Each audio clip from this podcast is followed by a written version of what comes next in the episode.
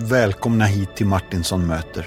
Det är jag som är Martinsson och idag ska vi tillsammans få möta Eleonor Gustafsson. Hon är pastor i Evangeliska Frikyrkan. Hon är bibellärare, skribent, lite överallt, men främst i dagen. Och så är hon församlingsplanterare och hon kommer ursprungligen från Donsö på västkusten men bor sedan flera år tillbaka i Linköping där hon jobbat både i Ryttargårdskyrkan, en församlingsplantering och just nu i Citykyrkan. Elinor är en mycket uppskattad talare och skribent som gräver djupt i både Bibelns texter och den kristna traditionen. Samtidigt som hon har förmågan att kommunicera det här budskapet i vår tid. I dagens podd får vi höra lite grann om clownklädsel, komfortzoner, men ingenting om hur man stickar koftor och det får nog bli nästa gång. Det blir istället mycket om hennes livsresa och lärdomarna som den färden ger. Den här podden presenteras av Compassion. Gå in på compassion.se så får du veta mer om vad fadderbarn eh, är för någonting och vad fadderskap innebär. Vi skulle önska att var och en av er blev en fadder till minst ett barn som behöver er hjälp. Mina damer och herrar, nu är det dags för er att få möta Elinor Gustafsson.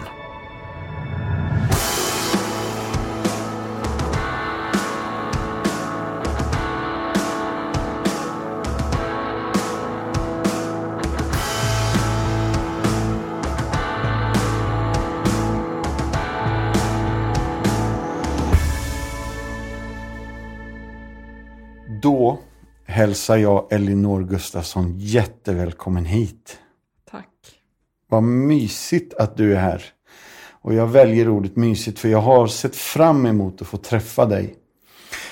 Min första fråga är egentligen, vi måste kolla så att vi har rätt Eleonor här.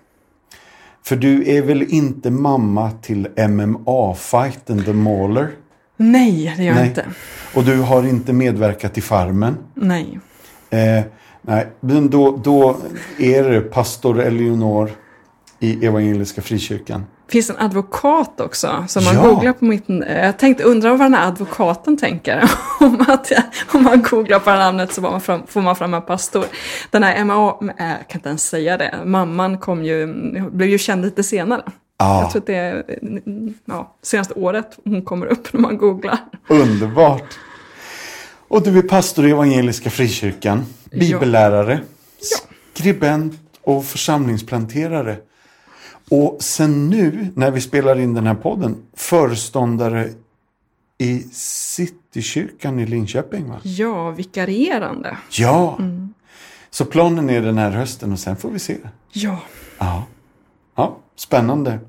Du, jag har, jag höll på att säga, jag har tio snabba, men det är inte säkert att de är så snabba. Du får ta den tid du vill, för vissa av svaren på de här frågorna kräver lite längre utvik.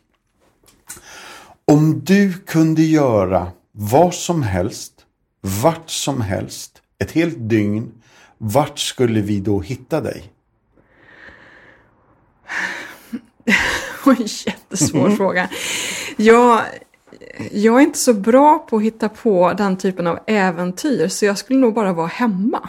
För att, för att jag, eh, ja, så bekväm är jag av mig själv. Ja. ja. Trots det... att jag nog vet nu idag att jag skulle må mycket bättre om jag tog mig utanför lägenheten. Men, men det är nog min spontana svar. Ja, men om, om, om du eh, liksom Finns det någon plats i världen där du har varit dit du liksom, men det skulle jag kanske kunna återvända ett dygn?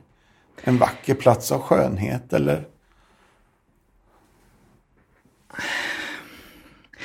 Alltså jag, jag, skulle vilja åka till Iran till exempel. Det var en sån här tanke som jag hade, hade jag haft råd och tid. Eh, jag var nära på att hoppa på en resa för något år sedan och nu känns det som att nu, nu är pandemi och det är oroligheter. Ja. Men Iran är ett land eh, jag gärna hade velat besöka. Ja, jättegött mm. svar.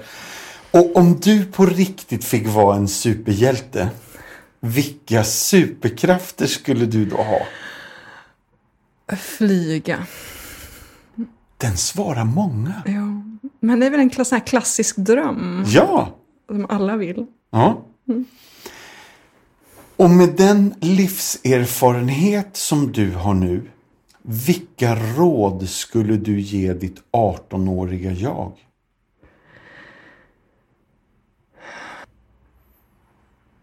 Någonting som har med vänskap att göra. Eh, eh, vikten av att värdesätta vänskap, skaffa vänner, att vänner är ett arbete och inte bara, åh nu klickar vi. Eh, eh, vi har ju den här bilden av eh, kärlek vid första ögonkastet kastet när det kommer till äktenskap, att sådana relationer bara kan plötsligt ske. Eh, och då skulle jag vilja säga till till eh, mitt 18-åriga jag att eh, så funkar det inte, inte när det kommer till vänner heller. Eh, det, det är ett sånt där råd jag skulle vilja ge. Att du är inte... eh, Gör dig inte själv så ensam. Och, Sen var jag inte ensam som 18-åring, men, men det är så här råd jag skulle skicka med mig själv. Jättefint! Oj, kan du minnas den första konserten du var på? Eh, och då är också en följdfråga här. Den största konserten, kanske inte i publikmängd utan i musikalisk upplevelse. Jag, jag har inga musikaliska upplevelser. Har du inte Jag det? saknar den Men förmågan att uppskatta musik på det sättet. Mm. Så mina konsertminnen är bara, min mamma uppskattar musik väldigt mycket. Ja. Så hon släpade ju med oss barn ibland. Och då är ju mina mer upplevelser av att se till exempel berusade vuxna. Den traumatiska upplevelser liksom på Trädgårdsföreningen i Göteborg och vad obehagligt det var. Ja. Det kanske förstörde mina Ja. konsertminnen. men vilka konserter var det här då? Nej men det var, jag minns inte. Alltså jag minns bara att vi var på någon så här popkonsert på Trädgårdsföreningen och det var obehagligt. Underbart! Och du vet inte ens vem du gick och lyssnade på. Det är Nej. jättegött.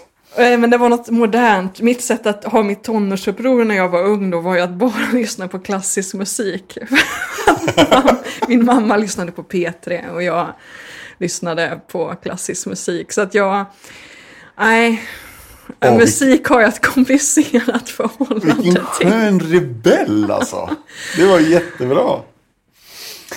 Då, då blir nästa fråga ännu bättre.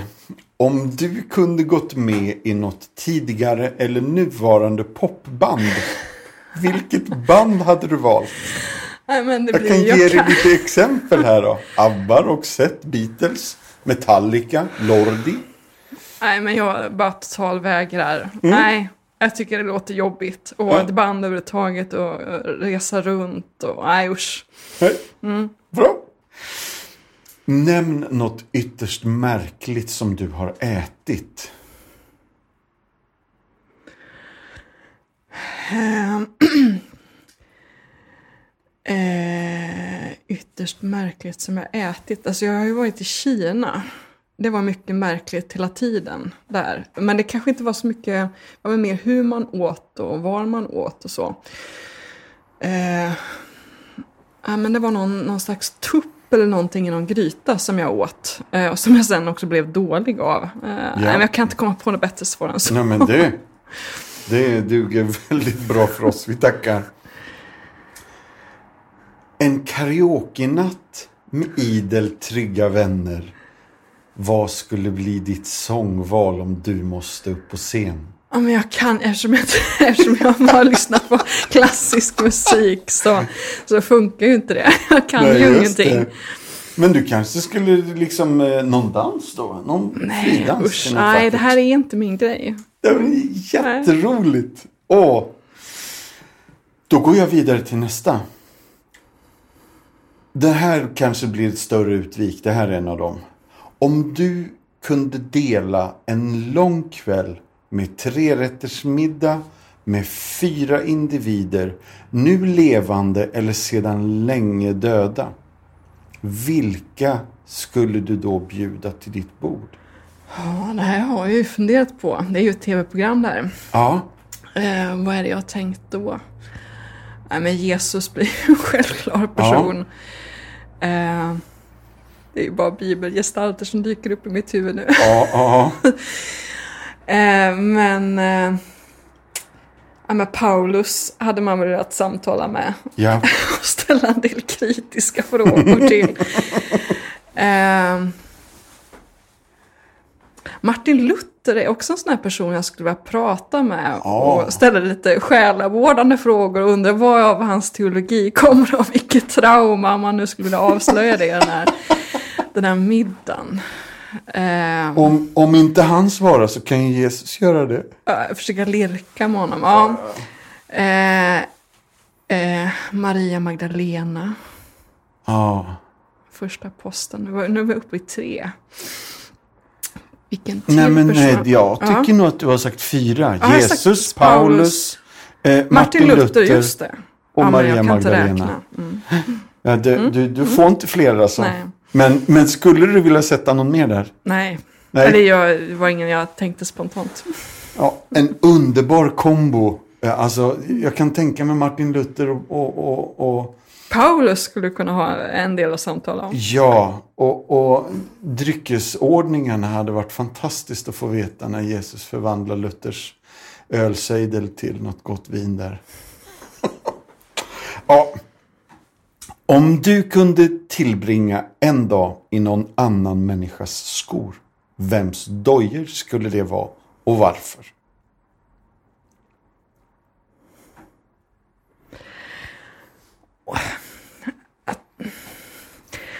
Alltså någon person i bysans, alltså det kristna. Jag är lite nyfiken på hur var det att vara kristen typ på 500-talet eller något. Alltså, han var- 500-talet? Ja, eller något sånt här mellan, Ja. nå- någonstans mellan 400-talet och 1000-talet i Ja. Konstantinopel. Bara, hur, hur, såg det ut där? Det är en sån här sak som jag har funderat på den sista tiden. Ja, men jätte, vilken skön. Och jag fattar precis varför du väljer de årtalen också. Det känner jag att det, där vet jag för lite om allt som hände. Precis. Ja. Eh, Ja, men få besöka Haga Sofia till exempel. Det har ju varit mycket media om det nu. Ja. Turkiet har omvandlat det till en moské. Ja, men hur var det? Vad var den typen av gudstjänstliv, församlingsliv? ja. Åh. Sista frågan. I den kommande filmen om ditt liv, vem skulle du önska spelade dig? Ja, jag... kändes som att jag upprepar mig. Jag kan inga skådespelarnamn. Jag lägger aldrig märke till sånt. Alltså jag, jag är ingen riktig... Jag, jag tycker om att se på film, men jag, jag lägger inga skådespelartalanger på minnet. Och jag har aldrig reflekterat över vem skulle kunna spela mig. Nej. Åh. Har du några förslag? Ja, fast, fast alltså. För mig så är ju du en riktigt fin karaktär och då tänker jag på Meryl Streep. Du tänker så. Ja. Eh, För hon är ju väldigt bra på karaktär. Ja. Det är ju liksom... ehm, så om hon hade då varit i din ålder eller sådär, då hade jag nog tyckt att Meryl hade passat väldigt bra. Ja, men jag tar emot det förslaget. Ja, kul! Du, Elinor. Donsö, 11 mars 1983. Vad hände då? Då föds jag. Kanske inte på Donsö, jag Nej. antar att det var på fastlandet. Fast, ja, jag nästan hoppas det. Ja. Mamma Elsa, pappa Jan. Finns det några syskon? ja. En bror Mm. eh, som är fyra år yngre. Mm. Och sen har jag en syster som inte lever längre, som bara blev sex veckor. Eh, Det är någonting som vi har talat om mycket på sista tiden. Hur många är vi i vår familj egentligen? Ja. Eh, men eh, allt mer börjar jag räkna henne. Isabelle hette hon. Ja. Åh, vad fint att du delar. Ehm, men du föddes på fastlandet, men växte upp på Donsö. Precis. Hur var det? Det är speciellt att växa upp på en ö som också ligger så nära en storstad som Donsö gör. Alltså, vi ser ju inte Göteborg och en del, en del av Göteborgs kommun. Så det är en stadskultur av att man vet vilka kläder som är coola. Mm. det är liksom inte landet på det sättet. Och samtidigt är det ju en liten ort där man ju har en väldigt stark social kontroll. Alltså man ser ju varandra. Eh, mm. Vi har ingen biltrafik. Så man rör, jag cyklade själv till förskolan när jag var fem år. Eh, för det finns ingenting som, det finns ju mopeder och så men Klart, man kan inte gå vilse och, och man kan inte bli påkörd av en bil och ja men det finns en trygghet. Alla handlar i samma affär, alla tar samma färja, man ser varandra mm. och alla vet liksom vem man är. Mm. Mm. Ja, jag fattar. Ehm, och sen har jag liksom lite jag vet inte så mycket förrän LM Engströms gymnasium. Men där hamnar du. Mm. Mm. En kristen friskola som ligger i centrala Göteborg som jag valde för att jag inte ville gå på den skolan som alla andra hamnade på. Ja. man kom från Donsö, Frölunda gymnasiet. men en, en, en, en skola som drivs av en luthersk stiftelse. Där hälften av eleverna var kristna och hälften inte när jag gick där. Mm. Mm. Var du troende när du kom dit? Ja, det var ja. jag. Och väldigt, väldigt frikyrklig. Och mm. hade uppfattningen av att de från Svenska kyrkan, de är ju inte kristna på riktigt. De är en väldigt frikyrklig ö. Eh, och sen så möter man då folk från olika samfund och upptäcker att svenskkyrkliga kan vara både kristna, troende och väldigt karismatiska. Eh, Just det. Det var många som var engagerade i OAS-rörelsen som jag mötte där. Mm. Det, det, är faktiskt nästa grej som står mm. på mina papper här. Mm. För att någonstans här kommer OAS-rörelsen in i ditt liv. Mm. I och med gymnasiet. Berätta lite mer om det då. Ja, men jag, när jag gick på den här skolan så jobbade Hans Weissbrott där som skolpräst ja. och bibellärare. Ja. Och han var den som fick, alltså, fick mig att bli bibelläsare. Mm. som öppnade den världen. Jag, jag blev väldigt intresserad av Bibeln tack vare hans lektioner och predikningar. Sen slutade han eh, när jag gick tvåan eh, och började på Åsrörelsen som inspiratör. Eh, och då hade jag en eh, vänner som drog med mig på deras ungdomsläger. Mm. Och första lägret jag var med på var en bara chock. För det var det mest karismatiska jag någonsin hade varit med om. Och yeah. då hade jag ändå bilden av att jag kom från karismatiska frikyrkan. Yeah. Och det var, ja men, folk föll i anden, det profeterades och bad för sjuka och firades mässa och tidebön i en salig rör. Alltså det var så mycket som var nytt. Jag mötte både högkyrklig liturgi och eh, karismatik. Eh, Eller Engström var ju en, en luthersk skola men, men var, var, inte högkyrkligt. Alltså, för frikyrklig kanske Svenska kyrkan bara är liksom, det är en enhetlig kan, eh, kyrka men det finns ju en mängd olika inriktningar. Eh, och eh, ehm, eh, jag skulle nog sortera in L.M. Engströms ledning som gammalkyrkliga. Som in, alltså en Luther, en Luther, en, en sven, ett sätt att fira gudstjänst som inte är så katolskt, vilket det högkyrkliga är, och mm. Ingen aning om folk kommer att förstå det jag säger nej, men, nej, nej, men så är det. Ja. Det så det var mycket som var nytt. Mm. Om jag har gissat rätt här så är det i alla fall Örebro 2003. Mm. Eh, och det blev till 2009. Ja, jag eh, började plugga där 20 år gammal på Örebro Missionsskola. Tre år och sen gjorde jag ett break på två år och flyttade till nya slottet, slottet Bjärka-Säby och var volontär där två år. Ah. Och sen ah. kom jag tillbaka. Yeah. Så det blev en... Han blev lite äldre innan jag började, började jobba som pastor. Ja, mm. men det var väl... Berätta lite om det här då. Du tog en paus i plugget och mm. flyttade hit där vi sitter nu och mm. gör intervjun på Bjärka Säby. Precis. Ja. men jag hade upptäckt att jag har, jag har en kallelse att vara pastor och predikant. Eh, och hade sett en del ledare som hade fallit moraliskt. Alltså människor som hade en starka gåvor men som eh, ja, gjort rejäla snedtramp moraliskt. Och då blev jag orolig. Hur, hur ska jag som ledare överleva på vägen? Hur kan jag eh, vaccinera mot mig själv mot självbedrägeri? Alltså jag har sett människor som när man blev påkomna med grova moraliska snedtramp försvarade det. Mm. Eh, och jag tänker, hur kan man tänka så snett? Eh, och hade stött på en del böcker av Peter Halldorf och upptäckt att ska man vara pastor så, så räcker det inte bara med nådegåvor och teologisk utbildning utan man behöver också jobba med sin karaktär. Mm. Eh, sen som kanske märkts på andra frågor så har jag alltid varit väldigt intresserad av historia och mm. det gamla. och Eh, som barn eh, tyckte det var väldigt spännande med slott. Mm. det var dit jag ville åka om vi skulle åka på semester. Titta på guidade turer på slott. Så att den här miljön, ett slott, en kommunitet och då att jag då också var hemma i det här med karismatik och liturgi. Det mm. sitter ihop för mig. Alltså, en del kanske kan tänka att ja, men sjunger vi den lovsången, gör vi på det sättet så faller anden. För mig var det, ja men firar vi mässa så faller anden.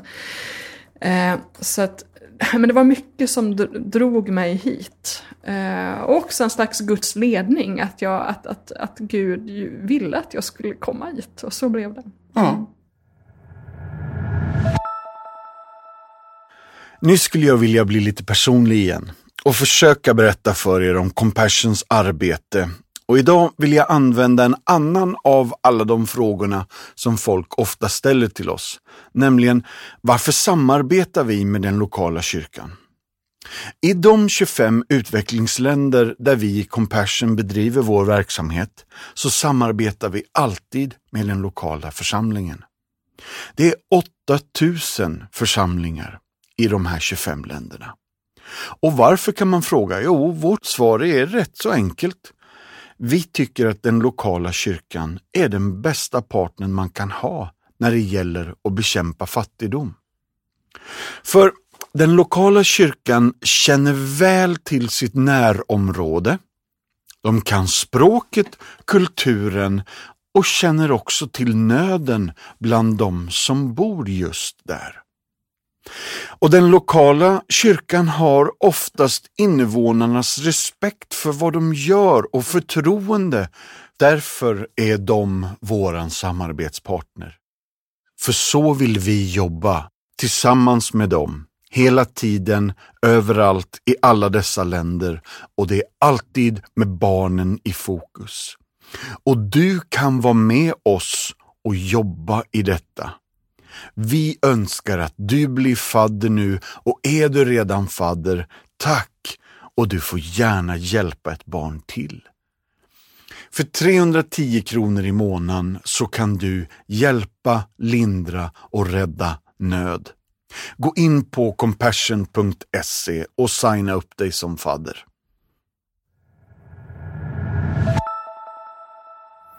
Så då tog du en paus mm. i studierna där. Eh, och jag förstår ju din berättelse och dina möten med ledare som har fallit där. Då. Mm. Eh, och det här måste väl nästan ha varit i samma veva som Knutby då också va? Ja, eh, det var inte just det jag tänkte på. För då var det ju bara, det var ju precis 2004 skedde ju mordet och då visste man ju inte så mycket om vad det var som hände där egentligen. Nej, och jag hade inga, har inga personliga relationer till människor som fanns där. Så jag visste inte så mycket mer än det här liksom som kom fram i rättegången. Utan eh, det var andra historier. Mm. Uh, mm. Mm. Och sen tillbaka och plugga igen.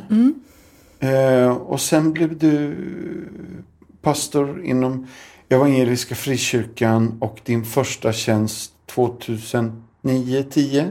9. 9. I Ryttargårdskyrkan i Linköping. Mm. Japp. Och där var du i flera år? Sex år. Ja. Och från det så gick du till en församlingsplantering. Mm. Alltså en helt ny start eh, i Berga. Ja. Där du eh, med ett litet team har jobbat i flera år nu då? Precis, vi lovade fem år. Mm. Eh, så det är till ända nu.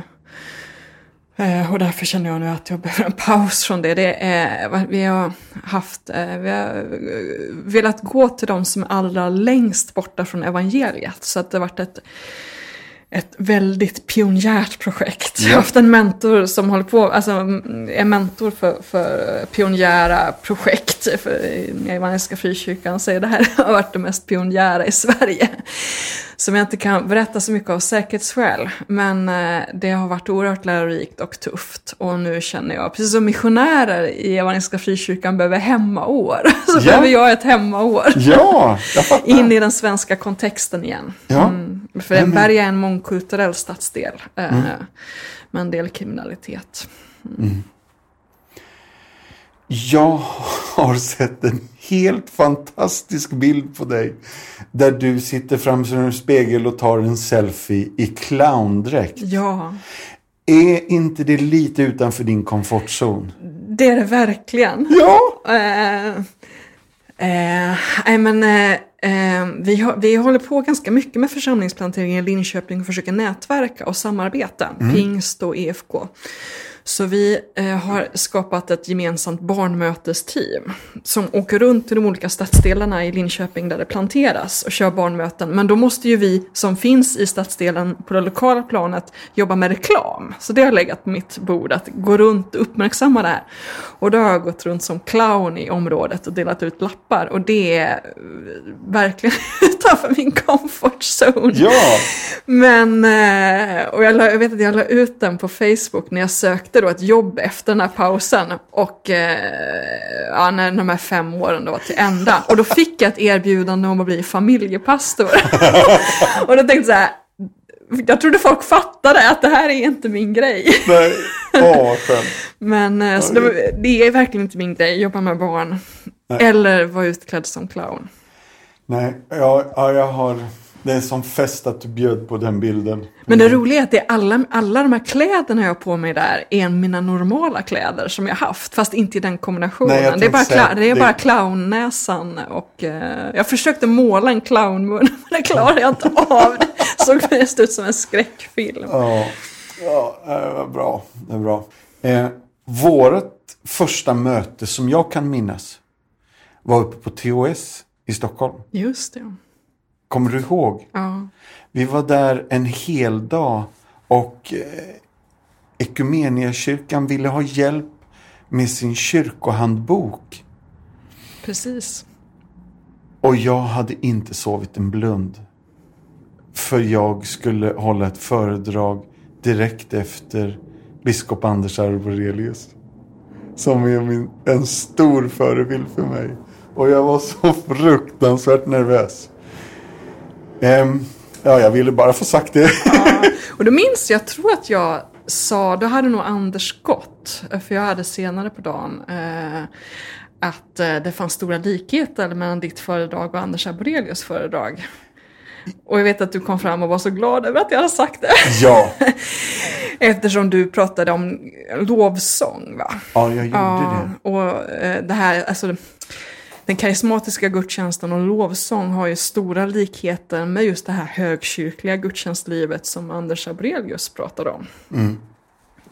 Mm. Ja, det var fränt. Jag, mm. jag, jag minns att, mm. du, att du sa det där. Mitt första möte som jag kommer ihåg med dig, men Aha. vi möttes inte då, men eh, mina vänner som jag fick i oasrörelsen när jag bodde då på Dons eh, hängde ju en del i Vineyard i Göteborg där du var pastor. Ja. Och då minns jag att jag lyssnade, jag lyssnade, lyssnade på flera predikningar av dig. Men jag minns en. Eh, och det är ju för att, alltså man minns ju saker för att, eh, sånt som har eh, lett till starka känslor. Och då höll du en predikan som gjorde mig så fruktansvärt arg. Ja! för jag tyckte att sådär kan man inte tolka texten. Eh, men så här i efterhand så har jag landat i att så kan man absolut tänka texten. Och du hade rätt. Och jag hade fel då. Eh, och så har det ofta varit med en del predikningar att, att eh, predikningar ibland som har gjort mig jättearg. Och bara det här var dåligt, det där var inte uppbyggligt. Och, och, och sen så kom man fram till att det där var nog rätt. Och att, att den där, har jag lärt mig nu att när man blir väldigt upprörd och arg över någonting så kan det också vara att det ligger en sanning i det. Så det, det är mitt liksom, första minne av dig. Ja, det här minns ju inte jag, men Nej. vad roligt. Alltså. jag- det är- Ja, vad kul Ja. att du reagerar. Ja, det är väldigt tacksamt när folk verkligen lyssnar och reflekterar på det man... Ja. Det och det kan- får man ju komma ihåg som predikant, att de spår man sätter, alltså den här omedelbara responsen som man får, kanske inte, alltså det kan man ju ta med en nypa salt. Ja, just det. Det här, det här gör att nästa fråga, jag vet inte riktigt hur jag ska angripa den nu då.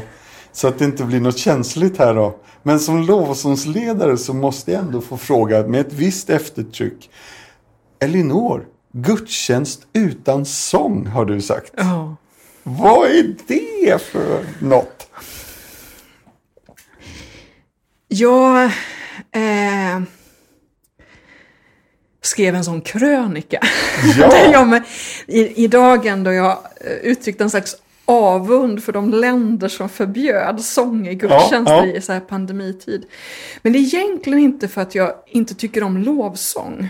Utan det är för att jag skulle önska att vi när vi diskuterar gudstjänstliv och musik och sång skulle komma bortom genre. Ja, För jag tycker att alltså, vi pratar förbi varandra så mycket. Alltså det, det blir musikstil och vilka sånger man tycker om. Och det jag tycker att, det att vi bör titta fundera på vad är det vi, vad är det, titta på texterna.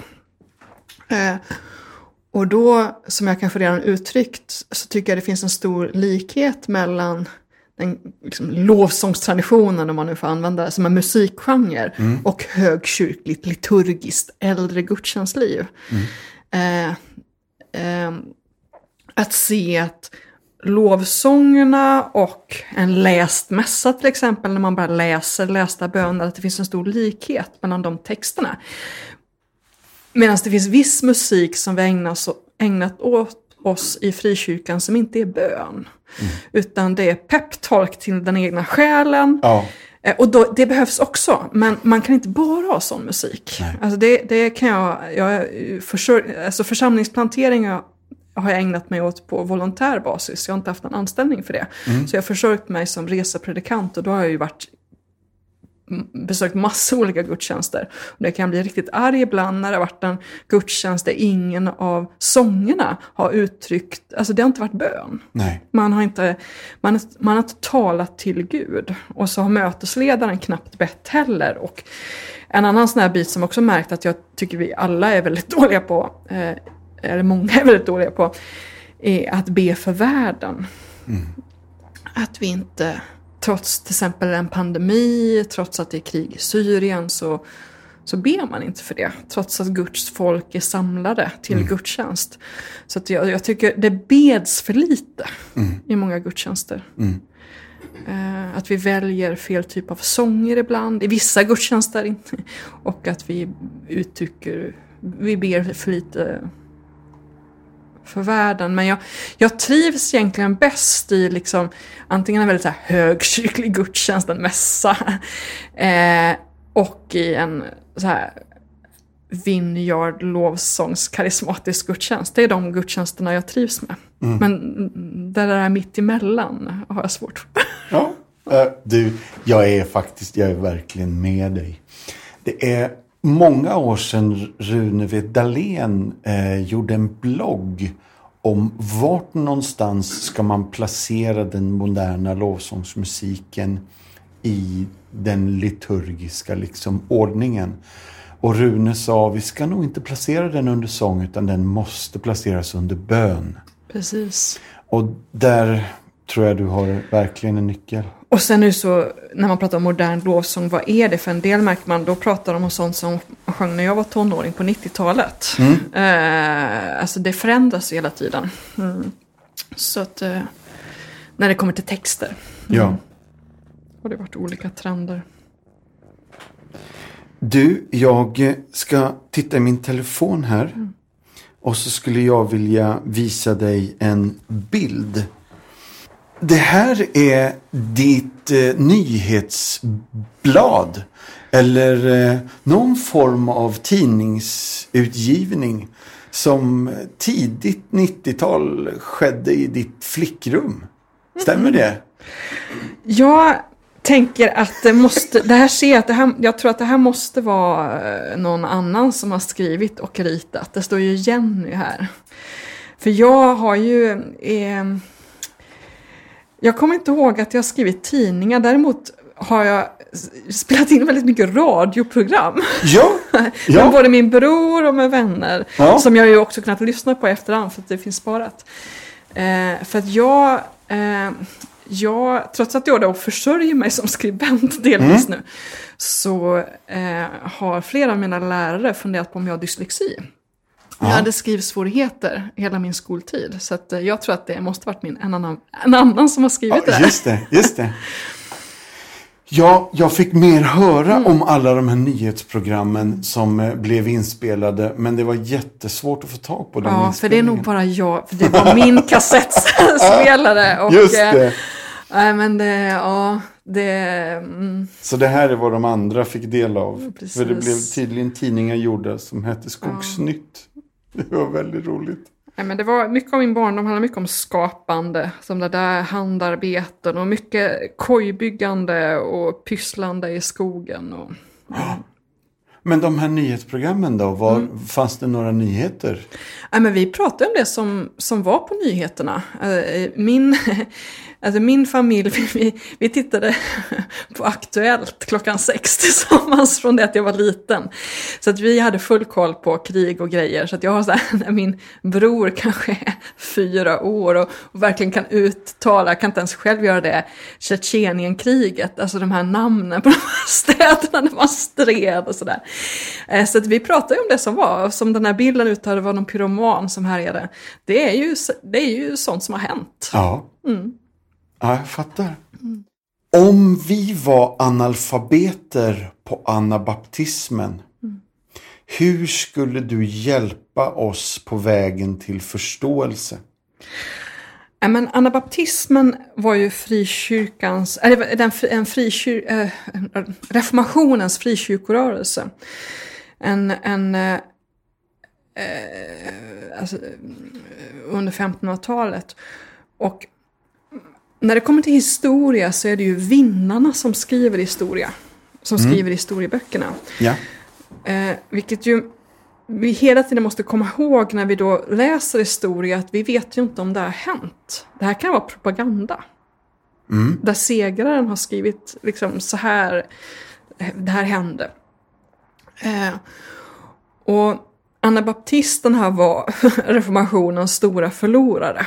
Man var en förföljd rörelse, man överle- över, överlevde genom att man bildade liksom egna byar, eh, starka isolerade gemenskaper. Eh, eh, man skrev inte... man, man, man blev förtalad av historieböckerna. Och jag deltog i ett projekt i samband med 500-årsminnet av reformationen där vi försökte liksom uppmärksamma anabaptismen. Och I det projektet märkte jag att det är jättesvårt att att skriva någonting som är sant och korrekt om anabaptismen. För när man kollar i liksom, det man kallar för sekundärlitteraturen, de som skriver om anabaptismen, så vet man aldrig riktigt om det här är sant. Eh, jag, nu har det ju forskats mycket den senaste tiden eh, på den här rörelsen. Eh, men, men analfabeter då, eh, eh, eh någon som inte vet någonting, alltså de, de, de var frikyrkliga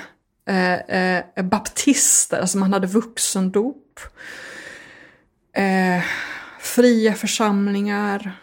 Eh, ja, men som frikyrkan är idag, alltså, fast för, för 500 år sedan. Och väldigt förföljda. Så man hade ju en annan syn på lid. Man tvingades tänka teologiskt om lidandet på ett sätt som inte vi har behövt göra. Och mitt bidrag i den här boken handlade just om om synen på martyriet och hur man, kan, hur, hur, det, hur man firade nattvard. Eh, och hur man såg på nattvarden som martyriets måltid.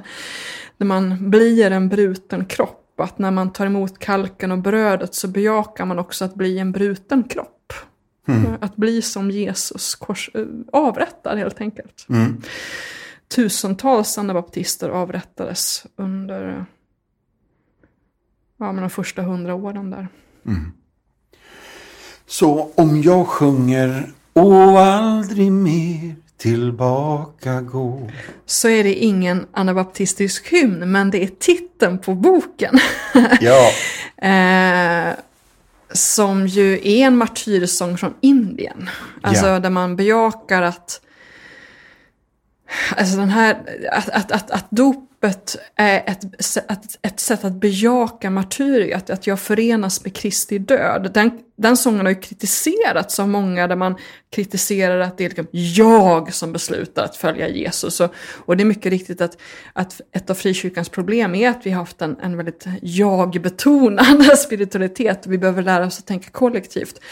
Men om man kritiserar just den, man behöver man kommer ihåg dess historia, vi- att, att det där är, när det kommer till martyriet så är det alltid jag som måste bestämma om jag vill följa Jesus. Eh, Jesus säger ju det, om någon vill gå i mina fotspår, jag kan inte bestämma åt någon annan att bli martyr. Var och en måste själv bestämma om man vill bejaka det lidandet. Eh, och det är därför den här rörelsen också inte döper barn, för jag kan inte, alltså dopet är ett bejakande av martyriet och jag kan inte fatta ett sånt beslut för mitt barn. Om den ska gå korsets väg eller inte, utan det måste man få bestämma själv. Vi tänker att det kanske, att vi, vi tänker dopet att de har med frälsningen att göra, men, men dopet för mig är ett sätt att liksom säga ja till martyriet. oj, spännande. Om jag säger att vakna upp till liv, vad säger du då? Ja, en andaktsbok som jag och Åsa Molin var redaktör för. Eh, tills, där jag, eller vi, vi är ett nätverk av elva kvinnor som möts, har mötts regelbundet under flera år för att stötta varandra i vår roll som förkunnare. Och då gjorde vi det här som ett projekt för att mm, bli bättre skribenter. Mm. Den kom ut för ett år sedan. Och det kommer en uppföljare nu i höst Ja, som eh, kom, har titeln, kommer få titeln Stjärnklart. ah, vad fint. Och det här nätverket heter Nelly. Nelly. Och varför heter det Nelly? För att eh, vi ville välja en kvinnlig predikant eh, som namn. Det finns ju flera, men då valde vi henne för att hon eh, var då relativt okänd och en spännande gestalt. Hon var otroligt populär på 1800-talet. Nelly Hall. Nelly Hall, ja. Det kan, och var också på ett sätt samfundsledare för Helgelseförbundet som Absolut. var eh, ett av moder, eller, som är ett av moderförsam, modersamfundet till Evangeliska Frikyrkan, för hon var yttre missionens sekreterare. Och då är man typ samfundsledare, Ja. om man är det. Sen så åkte hon till USA. Någon form av konflikt ägde rum och man vet inte vad det var som hände. Men antagligen, alltså någon form av konflikt hon åkte till USA och blev väldigt baktalad. Så hon blev bortglömd och utskriven ur historien tills när man i samband med att Helgelseförbundet fyllde 100 år så började man gräva fram Nelly Hall igen. Och sen gjorde Gunilla Gunnar en, en avhandling om henne. Så idag är hon mer känd. Men hon var väldigt bortglömd eh, under, under flera decennier. Trots att hon då var betydelsefull för att ta liksom, helgelserörelsen till Sverige och att be för sjuka. Hon var, hon var språklärare i Göteborg och, och kunde engelska och översatte litteratur till svenska. Eh, om helgelse och tolkade och så. Eh, Så hon var ja, men betydelsefull och, och tusentals kom ju och lyssnade på hennes möten och ändå glömdes hon bort då tills hon fiskades fram Ja. i samband med millennieskiftet. Ja. Jätteviktig. Som ju är med kvinnor, alltså, vi, det har funnits jättemycket kvinnor i historien som varit drottningar, politiker som har fått betytt någonting men har skrivits ur historien. Det är nästan att alltså, vinnarna har skrivit historia.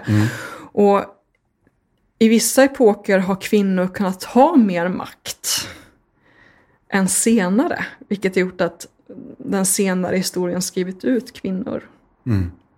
ur historien. Hmm. Eh, framförallt skulle jag säga, nu är det här är en sån här amatörhobby, jag är inte skolad historiker, men, men min lilla gissning är att eh, protestanter har varit mindre villiga historiskt sett att, att tala om kvinnliga ledare än till exempel den katolska världen. Eh, alltså i det katolska Sverige så hade vi en del kvinnliga ledare. Mm. Men som den protestantiska historieskrivningen inte uppmärksammar. Ja, just det. Vi vet ju väldigt mycket om Gustav Vasa och framåt, men vi vet inte någonting om de kvinnliga regenterna vi hade innan Nej. Gustav Vasa. Nej. Bra. Du, kämpa på. Jag måste bara innan vi avslutar och avrundar. ehm, du håller på och skriver någonting själv också va? jag har kämpat med en egen bok i fem år. Jag tror, ha- hade jag tänkt så här, men jag skriver en bok om sånt som jag brukar tala om, Mm. bön och sånt. Eh, mm. Säderna var färdig nu, men jag hade en slags vision av att jag ville skriva fram eh, en slags vision, en bild av kyrkan som Kristi kropp. Att vi är Kristi kropp även när vi inte följer Jesus, att vi är förenade med Jesus. Och jag, jag sökte efter ett slags tilltal. Jag, och det, då är det svårare att skriva. Eh, En slags böneprocess och hittat språk och jag har gjort jättemycket research. Jag har ja, men, slängt så mycket texter som jag har skrivit. Men nu har jag ett färdigt, ganska färdigt manus som är inlämnat till Är ett det förlag. så? Ja. Men sen vet ju jag av erfarenhet av andra bokprocesser att det är mycket arbete som återstår. Men jag hoppas att den ska kunna komma ut under nästa år. Ja. Och tit- arbetstiteln, den blir nog den titeln, eh, det kommer alltid att skava.